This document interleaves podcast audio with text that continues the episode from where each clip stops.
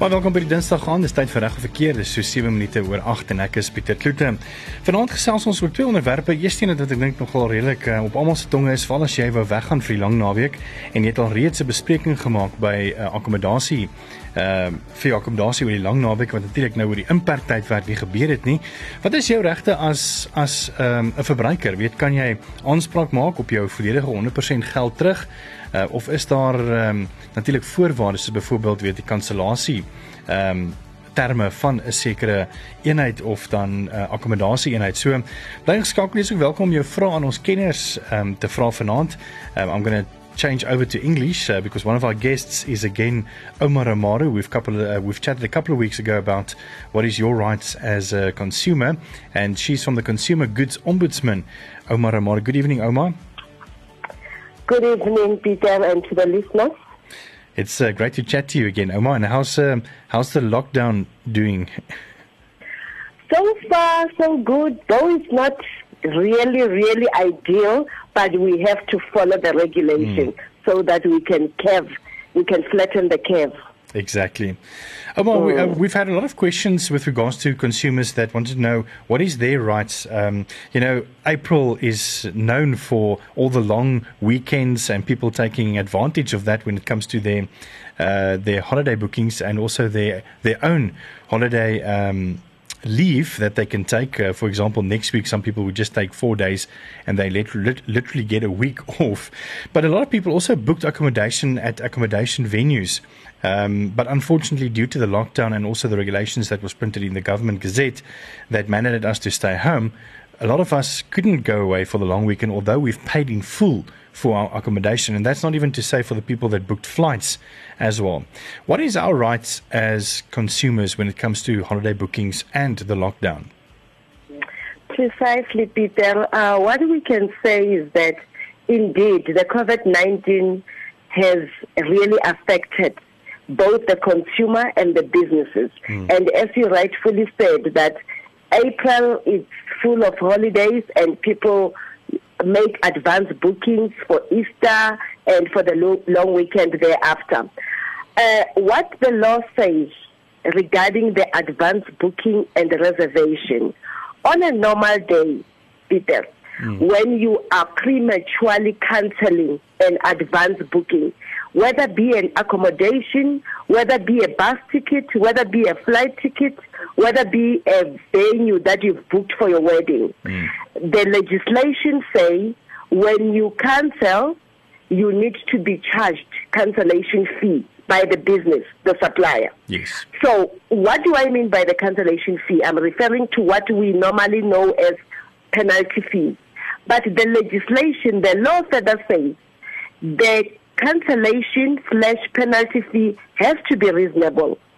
That is when you are cancelling on a normal day. Yes. Then the same section further says in an event whereby a consumer is hospitalized mm. or they are late, then the cancellation slash penalty is not applicable.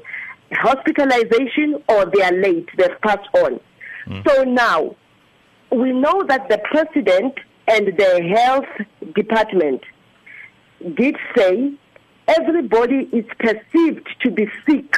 Mm. Though we know that all of us were being tested, but the president and the health department said everybody is perceived to be sick until tested uh, for this coronavirus. Yes. Now, in our interpretation as the Ombudsman Office into this, we are saying that means everyone as a consumer is sick. So hence, we are now forced to cancel. It is not our wish. We intended to go on holiday. Mm. We intended to board on that flight. But now there is a nation travel ban. So I'm forced to travel. And on the same note, Peter, to the listeners, I want us to understand this clearly. We are saying now it is not the business fault. So that means that both parties, it's not their fault. It's a mm. national disaster. So the law says, while I was still quoting the hospitalization and the pass on, it says in that regard, you cannot be charged penalties. Okay? But now, that means number one, the consumer has a right to cancel because the, the, the, the, government assume that we are all sick mm. until we are tested negative. So, because it's a nation lockdown, travel ban, we cannot move around, we ought to cancel. However, as much as the law gives us that right, but now we need to think broadly. Mm. We are saying, as the Ombudsman Office, there is an economy that we need to look into. And when we worry about the economy, we need to be concerned about the jobs. Because if we are cancelling and we are demanding refund, that is going to affect that particular business. Mm. And that particular business can go down and maybe your loved ones or your relatives, they are working there, they're going to be affected by retrenchment. So we are saying, can we please communicate to each other? Mm. Let's reach a common ground.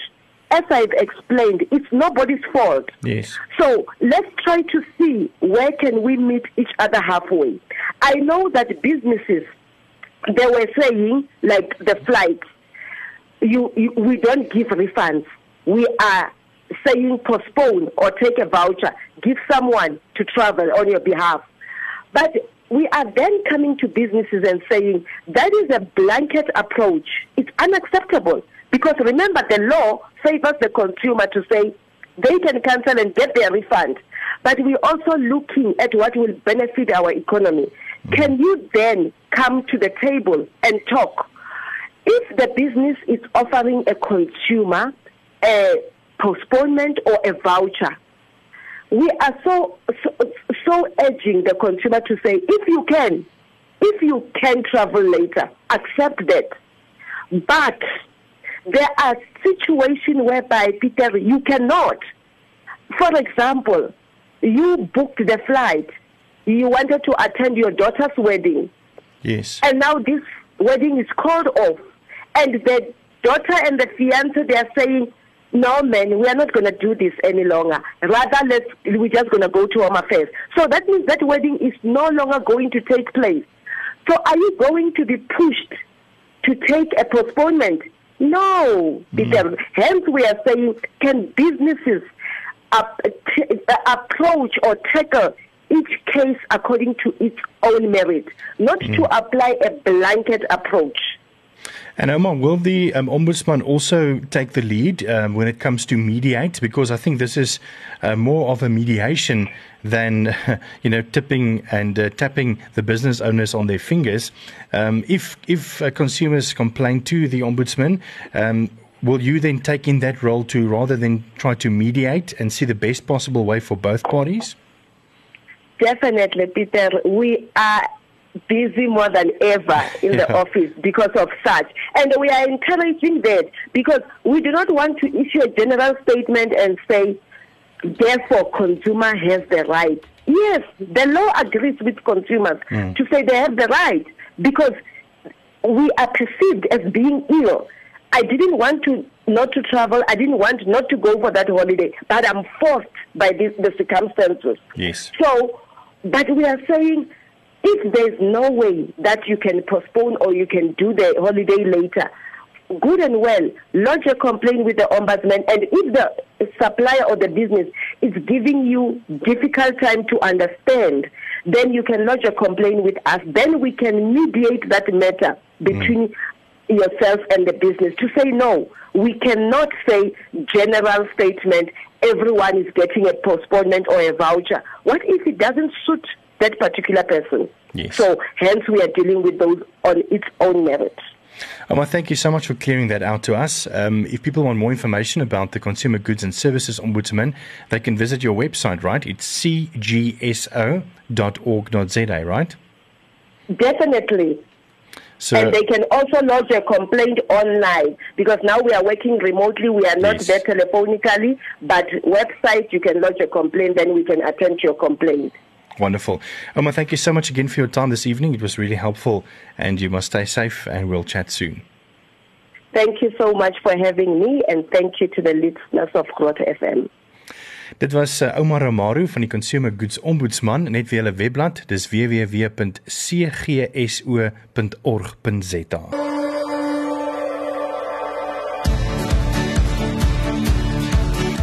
Welkom terug. Dis reg verkeerd op Groot FM 90.5. Ek is Pieter Kloete en ons het net voor die breek bietjie gesels met Ouma Ramario van die Consumer Goods Ombudsman uh, oor jou regte as verbruiker wanneer dit kom by jou vakansiebestemming wat jy bespreek het, geld betaal het en uh, nou kan jy nie gaan nie. So wat is jou regte daaroor? Ek gesels 'n bietjie later met James Welman van Welman Bloem Prokureurs in Pretoria ook oor jou uh, reg uh, die wetlike aspek daarvan. Uh, nou eers uh, of ek het altans vroeg vandag bietjie met ehm um, uh, Jeline Forsie gesels. Sy is bemarkingsbestuurder by Lekker Slaap. Ehm um, jy's oor weet hoe die ehm um, die travel gemeenskap uh, of dan die vakansie uh, gemeenskap geraak word deur die COVID-19 virus. Hier is die gesprek wat ons gehad het. Nes meeste ander bedrywe het COVID-19 'n byna verlammende impak op die toerismebedryf. Hoe verrykend die gevolge is, blyk steeds nie duidelik te wees nie. Aangesien ons nie 'n geskiedkundige gebeurtenis in die toerismebedryf het om die skade mee te vergelyk nie. Wat wel seker is, is dat hierdie virus en die inperking wat dit tot gevolg het, die reisbedryf 'n ongeëwenaarde knou toeken. 'n Knou wat nie oornag herstelbaar is nie. Nes alle ander aanlyn besprekingsplatforms sit ons hier by lekkerslaap.co.za met 'n groot tamaletjie. Aan die een kant verteenwoordig ons ons gaste wie se belange ons nommer 1 prioriteit is. Maar aan die ander kant verteenwoordig ons ook ons verblyfinstansies waarvan daar sowat 27000 by lekkerslaap gelys is waarvan 'n groot meerderheid klein sake ondernemings is wat onder hierdie ongekende ekonomiese druk spartel om kop bo water te hou. Ongelukkig het COVID-19 duisende kansellasies by Lekker Slaap meegebring en moes ons ten einde ons gaste te beskerm, die besluit neem om alle gaste wat verblyf vir tydens die inperkingstydperk bespreek het, ten volle terug te betaal wanneer hulle kanselleer. Die probleem wat ons egter in die gesig staar, is dat baie van die instansies wat hierdie terugbetalings aan ons moet maak sodat ons dit weer aan gasse terug kan betaal, nou hul kontantvloei totaal moet uitput om die terugbetalings te kan maak. Hierdie instansies sukkel weer op hul beurt om hul oorhoofse kostes te dek. En dus sit ons met 'n domino-effek wat uiteindelik die hele bedryf op sy knieë dwing. Die feit van die saak is dat alhoewel dit ons plig is om gaste te beskerm en terugbetalings aan hulle te verseker, ons nie hierdie klein sake ondernemings kan vergeet en aan hul eie genade kan oorlaat nie. Indien ons hulle in die steek laat, sal baie van hierdie ondernemings nie weer op die been kan kom nie. In 'n poging om hierdie permanente skade te voorkom, moedig ons dus gaste aan om kansellasie as 'n laaste uitweg te oorweeg en eerder hul verblyf na 'n later datum uit te stel. Sodoende word beide gas en instansie beskerm en kan ons daarom gesamentlik die beste van hierdie uiters slegte situasie probeer maak. Daar lê 'n baie moeilike tyd vir die toerismebedryf voor. Maar ons is oortuig dat ons hierdie ongekende tyd sal deursien en sterker aan die ander kant sal uitkom. Dit is uh, Gerline Forsie, sy is die bemarkingsbestuurder by Lekker Slaap. Ek wil ook sommer vir Otto de Vries, hy is die hoofuitvoerende beampte van ASATA, dis die Association of Southern African Travel Agents, aanhaal wat hulle in 'n nuus uh, of persverklaring um, het. Um, and it is in Engels. I say there is absolutely no question that South African travel agents have been exemplary in these unprecedented times, which have left them with no income for the foreseeable future and very little support from the airline community, which is currently holding the monies that have been paid over for tickets not flown. And he says that uh, he said further that travel agents have been stuck in the middle trying to secure funds from airlines to pay their customers. So it lyk vir my um James uh, aan, aan die ander kant van die lyn van James um Bloem prokureurs. James lyk vir my dit is maar 'n tweesnydende snaar uh, of swaard. Um wat beide die verbruiker en natuurlik die klein besigheid eienaar maar moet ehm uh, weet moet aanbyt lyk dit vir my. Ja, nou Pieter aan jou en jou luisteraars. Ehm um, definitief as ek so geluister het na nou hierdie twee gesprekke, dan dink ek verduidelik hulle baie mooi uh wat die die probleem is waarmee verskeie rolspelers in die bedryf nou sit. Ja. Wanneer daar of in hierdie situasie wat ons nou tans beleef, jy weet met die met die inperking en so aan. en dit is moeilik. Ehm um, dit is dit is regtig 'n moeilike situasie en as as mense nie mekaar gaan gaan vind uh, met 'n onderhandeling of met 'n met 'n toegewing aan beide kante nie. Ja. En en en dan jy weet in in 'n geveg gaan tree met mekaar dan ja, dan gaan dan gaan mense skade ly. Dis mos so maklik dit. Wat sê die wet? Ons weet nou ek het nou vroeg gepraat met die ombudsman wat sê ons moet eintlik maar kyk of ons mekaar kan half um, tegemoet kom. Maar tog is die wet nie swart en wit of gry. Ag is is is die wet nie grys nie, die wet is swart of wit, nie waar nie? Yes. Dit is korrek. Uh die wet uh, soos aangehaal deur uh deur ouma uh is is korrek. Die die die uh consumer of die verbruiker het die reg om te kanselleer as hy uh as hy 'n uh, 'n uh, uh, booking of 'n reservering gemaak het um vooraf. Maar dan het die persoon wat ook die diens verskaf of die goedere wat wat verskaf of sou verskaf het wat gekanselleer word ook die reg om 'n uh, wat hulle noem 'n penalty fee uh te hê teen so 'n kansellasie. Dit moet natuurlik 'n 'n reasonable uh, fooi wees en as daar dan nou 'n dispuut ontstaan oor daai fooi, kan dit nou spesifiek nou na die ombud verwys word en dan gaan dit hierdie proses wat dit moet gaan daarso om dan nou finaliteit rondom dit te bereik. Maar die regte is dat ja, die verbruiker kan kanselleer, maar die ehm um, die verskaffer kan dan ook sy sy penalty fee hê op die einde van die dag. So hulle kan, en maak nie saak of dit nou 'n inperking was of nie, want ek meen dis nie ons die verbruikers se skuld nie, dit is wetgewing wat geïmplementeer was wat sê ons mag nie na ons vakansiebestemming toe gaan nie, nie waar nie? Ja. Ja, ek sien en dit bring my natuurlik die interessante vraag ook in ek weet as as 'n persoon na na sy na sy vir uh, sy verskaffer toe gaan of die verbruiker na die verskaffer toe gaan en sê luister ek wil kanselleer. Ek wil nie meer kom nie.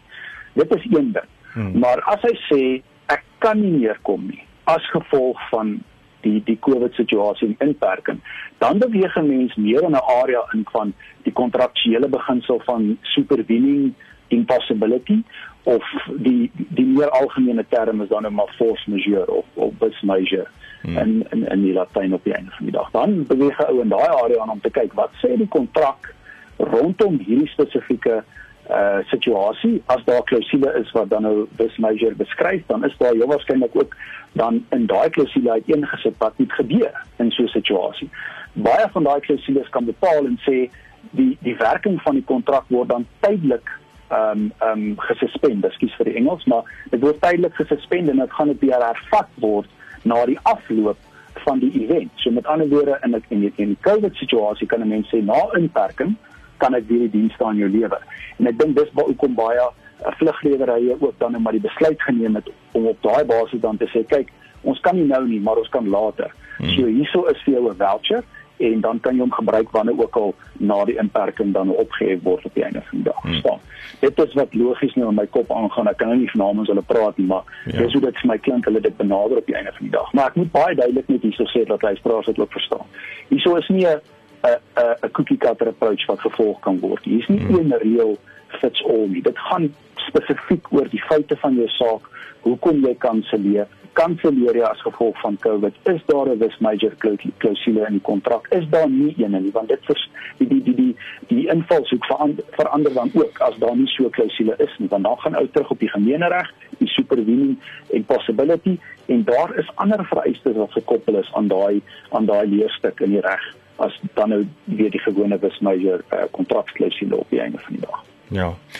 Um, ek dink mense moet ook maar uh verstaan wat baie van die klein uh, of uh, van die gastehuise en in val klein dorpe wat eintlik maar net seisoonaal is, jy weet werk maar op 'n baie fyn lyn uh en maak nou nie miljoene en word skatryk oornag nie. So ek dink 'n mens moet maar tog uh elke situasie maar weet op sy eie bekyk nie waar nie.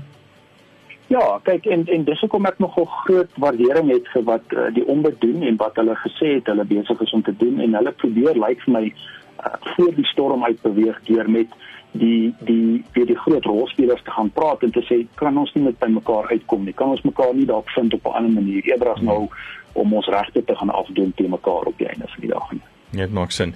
Ek uh, moet vir jou sê ek het 'n baie uh, lekker ondervinding ook van 'n aanlyn platform waardeur ons bespreek het jy's vir die lang naweek wat nou oor 2 weke is wat nou nie gaan gebeur nie. Ehm um, en uh, die eienaars het my teruggekom en gesê luister hulle sal vir ons die volle bedrag terugbetaal ehm um, met die kommissies vir die agente natuurlik uh, wat ingesluit is. Uh, of ons kan dit net uh, hernie. Natuurlik wil mense mos nou maar weet uh, kyk na die na die besigheidseienaars van baie van die ouens het ook maar weet salarisse om te betaal en die meer. So ons het maar besluit ons gaan eerder net dit aanskuif na 'n ander datum toe. Uh die mense wil nog steeds 'n bietjie wegbreek veral nou na die inperking dink ek. Ek is seker nou van jou. James, enige laaste woorde vir jou van aan die gebruiker vanaand?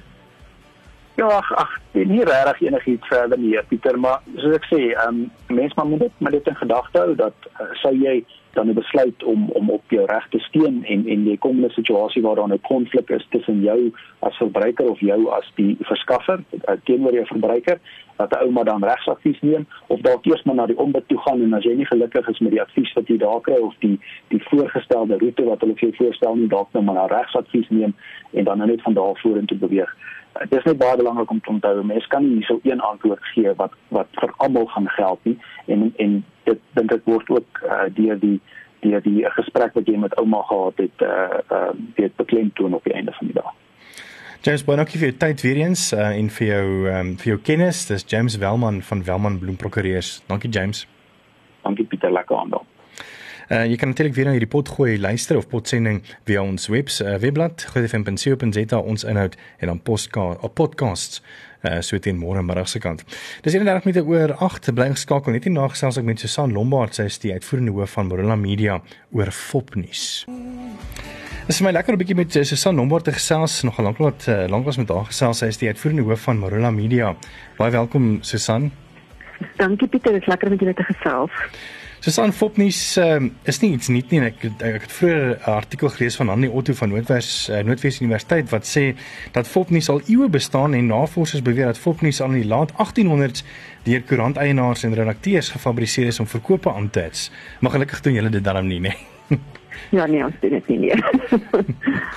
Ehm, um, kom ons praat 'n bietjie oor die verskillende tipe van fopnuus wat daar buite is. Want ons het verskillende tipe van doelwitte wat hierdie fopnuus ten doel het nie waar nie? Ja, jy's reg, dit kyk verskillende tipes fopnuus en dis eintlik ehm um, verskillende ontleerders sal dit indeel in verskillende kategorieë. So mense kan nou baie in die tegniese detail daarvan ingaan hmm. wat ek nie dink nodig is nie.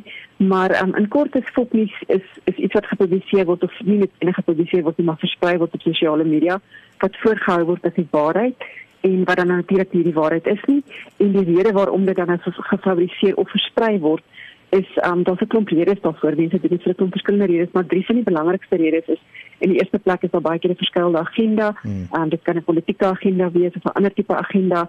Ehm um, in die tweede plek is dit baie keer vir die grap, hoe belaglik dit ook nou is. Mense doen dit baie keer omdat hulle dink dit is snaaks om fopnies te fabriseer. En dan in die derde plek is daar 'n um, inkomste komponent baie keer. Iemand sal byvoorbeeld 'n hele fopnies webwerf, daar's 'n baie interessante gevalle serie wat ek gelees het 'n paar jaar terug oor 'n joernalis in Zimbabwe wat baie graag, hy was 'n ernstige joernalis en hy wou baie graag ernstige journalistiek doen, maar hy um, het nie geld gehad vir 'n nuus webwerf om dit te begin nie. En toe het hy drie foppies webwerwe begin waarop hy allerlei foppies gefabriseer en gepubliseer het en baie lesers gekry op sy foppies webwerwe waarmee hy baie goeie inkomste gegenereer het want hy het advertensies spasie verkoop en hy het advertensies uit het hy sy werklike nuuswebwerf aan die gang gehou het kon hy journalistiek beoefen soos hy dit eintlik wil doen. Oh. So inkomste is 'n baie belangrike rede hoekom mense partytjie foppies fabriseer. En um, ek weet dat uh, nou met COVID-19 is daar veral baie fopnuus wat hier rond is doen. En weet jy weet baie nie meer wat om te glo en en wat om nie te glo nie, nie waar nie? Ja, en dit raak baie moeilik. Die vorige groot slag fopnuus wat ons gesien het was so in 2017 en dit was um, daar was redelik baie stories oor EFF grondgrype wat hier rond gedoen het oh, ja. en um vir al baie stemboodskappe, julle sal dit onthou, mense wat mekaar baie emosionele mm. stemboodskappe rondgestuur het oor um mense wat besig is om 'n grond oor te neem en um dit oorlog breek uit en daar was vreeslik baie emosie en nou sien ons amper weer dieselfde so die ding wat ek amper wil weer trek is dat daar altyd 'n 'n baie sterk emosionele komponent is daar's baie um die gemoedere loop hoog en dan is mense baie ontvanklik vir iets wat nie van hulle oordeel dink ek dit is 'n gesonde oordeel bly sy bekend die slag as hulle emosioneel is ja. en dan val hulle dalk makliker vir fopnies as wat anders in sy geval is. Mm. En die ander probleem is ook um konteks. Um, ek vat 'n voorbeeld, um, daar was uh, op sosiale media uh, foto's wat wat rondgegaan het oor uh, 'n uh, hele rits van militêre voertuie met kanonne en alles wat half in stoet ry Ehm um, iewers dit lyk amper asof dit Polokwane kan wees en die foto's het nou weer uh met die COVID-19 net voor die inperkings weer die rondes gedoen om sê ja, weet hier's nou weer amper half nou weer oorlog. Wat gaan kom? Hulle gaan vir ons instuit by die huise en sulke goede. Maar eintlik was die foto's al in Februarie geneem met Polokwane se weermag ehm um, uh skou wat hulle gehad het, jy weet so en baie ja. keer dan pop hierdie goed mos maar eintlik maar net weer 'n paar jaar later weer op, jy weet dan lyk dit dan pas of dit nou weer relevant kan wees, jy weet. Ja, en dan moet mens baie fyn trap van die die die inligting as ware is nie verkeerd nie. Ehm um, ons het byvoorbeeld al ehm um, so tydjie terug was daar 'n hele 'n hele paar jaar terug was daar 'n vloed in die Kleurwiltuin omgewing en ehm um, Nou met die droogte so jare wat terug het een van die stories wat ons daaroor geskryf het weer hier rond begin doen. En niemand het gesien dat die datum bo aan die storie 'n paar jaar terug se datum is. Ai. En dit mense ons beskuldig van die publiseer van fopnies oor die vuur in die wildtuin te midde van die droogte. Maar eintlik was dit 'n ou storie wat op een of ander manier weer op sosiale media beland het en wat mense gedeel het sonder om te kyk na die datum. So ja, die konteks is baie belangrik. Mense moet baie seker maak ook met iets soos 'n foto. Jy, jy kan maklik 'n foto uit konteks gebruik en dan sien baie voorbeelde daarvan as jy nou dink aan die vorige storie wat groot gegaan het op sosiale media oor hmm. um, die ou Suid-Afrikaanse vlag wat rondgeswaai het so jare wat gelede en dit was toe ook 'n stok ou foto, 'n argieffoto wat iemand opgediep en by 'n nuwe storie gebruik het. Hmm. Um so ja, konteks is ongelooflik belangrik en veral foto's omdat foto's so 'n emosionele boodskap oordra. Ons gaan net nou die breek bietjie gesels oor wat julle as Marula Media doen om juis um uh half die filter te wees van fopnuus en regte nuus en uh, wat julle doen om om dan te bepaal of dit dan fopnuus is of nie. Maar net voor ons gaan uh 'n verbreek vat. Um ek weet die, die president en veral uh, Bekkie Cele van die hoof kommissaris van polisie het ook gesê dat hulle baie sterk teenoor mense gaan optree en daar sal reeds um inhegtenisnemings uh, gedoen oor mense wat vals nuus versprei. Uh wat sê die wet? Ja, um die wet uh, in gevolge die, die wet op rampbestuur um, wat natuurlik is ons nou in 'n in 'n in 'n ramptoestand in Suid-Afrika sê die wet op rampbestuur bepaal dat um, indien jy foppies fabriseer of versprei dan is dit um, dan kan dit dan kan jy uh, dit is 'n strafregtelike oortreding. Jy kan jy kan beboet word met tot R5000 en jy kan 600 tronkstraf opgelê word. En dit is baie belangrik dat luisteraars kennis neem. Dis nie net vir die um, vir die vervaardiging van foppies nie dis ook vir die verspreiding van hmm. foppies um, en daar is self dit gaan so ver om te sê dat as al is jy al het jy nie geweet dat jy beter as om fokkies te versprei nie, is jy nog steeds aanspreeklik en dit dit versprei sonder dat jy jou bronne nagegaan het. Hmm. So dit is regtig 'n ernstige oortreding in die situasie waarin ons tans is omdat dit so 'n brose situasie is en mense so maklik opgesweep kan raak. Ja. So mense moet baie mooi dink voor hulle inligting aanstuur. Ek dink nog 'n ding wat wat mense baie keer vergeet is dat as jy 'n groep eienaar is of 'n admin, uh, dan word jy ook aanspreeklik gehou as as iemand dan suits op jou bladsy plaas nie waar nie. Jy het maar reg en dit gaan self verder. Um, ons byvoorbeeld by Marula is ons verantwoordelik vir alles wat in ons kommentaar geskryf word. Dit is aanspreeklik, maar verder nog op sosiale media blaaie ook. En die uitdaging met iets soos 'n Facebookblad is mense kan gaan kommentaar lewer op iets wat 5 jaar terug op Marula gepubliseer is en en dan weet ons dit nie noodwendig nie. Maar hmm. ons is nog steeds verantwoordelik vir alles wat mense op ons blad skryf. So ons het nou allerlei instrumente en goed in plek om ons help met te monitor. Maar ja, jy is aanspreeklik vir alles wat mense op jou platform skryf um of sien jy nie saam daarmee nie en of sien jy dit per ongeluk oor is of sit jy verantwoordelikheid. Ja, ek kan nogal dink dat dit vir julle nogal 'n groot tamaletjie is want ek meen julle julle het letterlik miljoene lesers en as daar een plasing op julle sosiale media blaaie geplaas word dan is daar letterlik uh honderde en selfs baie keer duisende kommentare. So ek weet nie hoe julle daai beman nie, maar ons gaan 'n bietjie net hier na verder gesels daaroor. Dis Susan Lombard van Marula Media, sy is uitvoerende hoof bly geskakel. En so ek doen Marula Media op en co.za. Hulle praat lekker Afrikaans. Uh 'n nuus aanlyn webblad gebalanseerd en betroubaar soos hulle webblad sê en ek gesels 'n bietjie met Susan Lombard die uitvoerende hoof. Ons het vir 'n bietjie lekker gesels oor die tipes van fopnuus wat rond is doen en veral nou met COVID-19 waar mense ook baie WhatsApp boodskappe gekry het. Ehm um, en ons gaan nou 'n bietjie fokus op uh, Marula Media. Susan, hoe doen julle dit? Hoe hoe sif julle uit ehm um, om nie fopnuus te kan sien as ware nuus en dan 'n storie daaroor te doen nie? Ja, ek dink dit is nogal 'n groot uitdaging. Ehm um, ek dink wel om joernaliste veral die meer ervare joernaliste en wel ek sien dit sien ek dink almal van hulle joernalis word gebore met 'n 'n neus vir is hierdie ding die waarheid of nie. Ehm um, en die meer ervaring jy in journalistieke bedryf het, hoe makliker raak dit. So ons kan al amper as 'n ding inkom na ons toe, soos julle ook seker maar dan weet mens ag nee wat jy weet nie die waarheid nie, maar natuurlik moet jy dit ook steeds gaan bevestig of gaan gaan kyk of dit nie dalk tog die waarheid is nie. Ja. Ehm um, en dit is partykeer moeilik hoe ons dit maar doen. Ehm um, wel sê dat ons dit maar geleer het almal as journaliste is dat ons net seker maak die bronne wat ons gebruik is betroubaar en dat meer as een bron verkieslik drie bronne dieselfde inligting moet gee. So ons moet seker maak in hierdie departement vir gesondheid inligting bekend sê goed dis nou 'n baie of nie ek sal nie sê dit is nou 'n bron wat in hierdie spesifieke situasie ons amptelike bron van inligting is, maar in 'n ander geval sien maar 'n plaasaanval sal ons seker maak dat ons met um, 'n um, persoon praat wat op die toneel is as ook met 'n uh, um, iemand van die polisie wat dit bevestig as ook sien maar iemand van die nooddienste of van die sekuriteitsmaatskappy wat op die toneel is. So ons maak altyd seker dat dat twee of drie ten minste eintlik drie bronne vir ons dieselfde inligting bevestig. En hmm. nou in die geval van COVID-19 is dit natuurlik 'n bietjie moeiliker. Ehm um, maar ons het baie fokus vir die ronde doen, maar ehm um, daar's 'n paar baie oulike webwerwe wat vir ons ehm um, fokus uitwys. En um, ons doen altyd baie moeite om um, eers seker te maak dit is die waarheid. Ons ons is baie versigtig om foute te maak want dit is baie gestel daarop dat mense ons moet sien as gebalanseerd en betroubaar en dat hulle moet weet dit wat ons publiseer is die waarheid, hulle kan ons maar vertrou. So ons wil eerder terughou met met 'n storie as ons nie seker is of dit die waarheid is nie um, as wat ons iets op publiseer sonder dat ons dit bevestig het. Mm. En breekende nuus of of breaking news is nog baie moeiliker nie waar nie? Ja, maar weet jy wat, ehm um, die die die voordeel amper daarvan is in die, in die era van sosiale media waar ons is, is daar amper nie meer iets soos breekende nuus nie. Hmm. Ehm um, ek kry altyd so 'n bietjie lag as as as 'n nuusplatform praat van breekende nuus want gewoonlik het, het almal al die storie op dieselfde tyd. Dit is bitterlik selde mm. dat iemand regtig 'n groot storie eers het. 'n Storie breek eintlik deesdae eers op sosiale media, nie altyd nie, maar meeste van die tyd. Dit ja. ontvou eintlik op sosiale media. 'n Ding gebeur op die internet. Dis waar dis waar dinge gebeur, dis waar mense met mekaar praat, dis waar iemand op Twitter dalk iets sê. Ehm um, dit dis waar dit gebeur.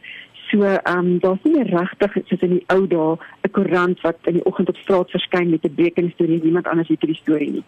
Ehm um, dit maak dit eintlik 'n bietjie makliker, maar dit daar is ook die gevaar dat jy kan kyk en kan sien, "Sjoe, maar al die ander groepies weet waar wie hierdie inligting gepubliseer, so dit moet die waarheid wees."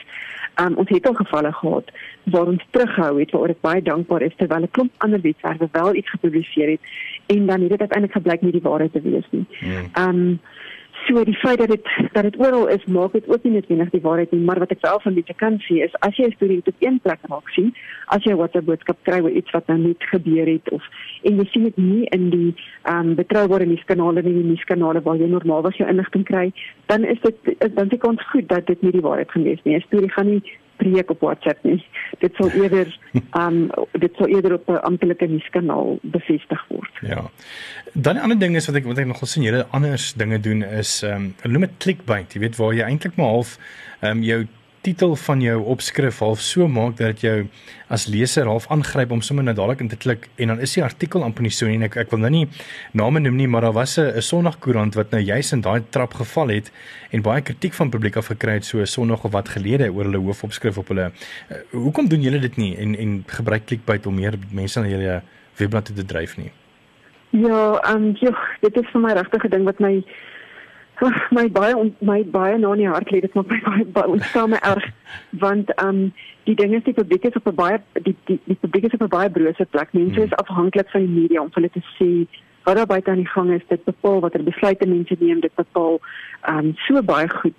Dit bepaal regtig hulle lewenskeuses veral in die moeilike situasie waarin ons tans is maar oor die algemeen in Suid-Afrika um, mense is so afhanklik van die media om vir hulle goeie inligting te gee. Mm. En wanneer ek dan um, ek wil amper sê met selfsugtige motiewe omdat ek wil hê iemand moet op 'n storie klik, die kop van die storie so skryf dat dit iemand lok om te klik en, en dit wat ek in die storie kry, is dan nie getrou aan dit wat die opskrif sê nie. Mm. Dan is ek op gevaarlike terrein. En baie keer is dit nie net enige verdraaiing nie, dit is nie net enige verkeerd nie maar dit word so verpak dat dit ehm um, dat dit mislei dat dit jou aan um, die indruk gee dat dat iets gebeur wat in die storie in 'n ander konteks geplaas word. Ehm um, en ek dink ek dink dit is onetiese journalistiek. Ek dink regtig daar's nie verskoning daarvoor nie. Hmm. Ehm um, natuurlik is die teenkant daarvan en dit is iets wat ons ook maar ervaar is baie keer gee ons amper die storie weg in die kop. Ons ons sê in die kop al wat in die, in die res van die storie aangaan omdat ons versigtig wil wees en omdat ons nie vir mense wil laat voel hulle is beslei nie.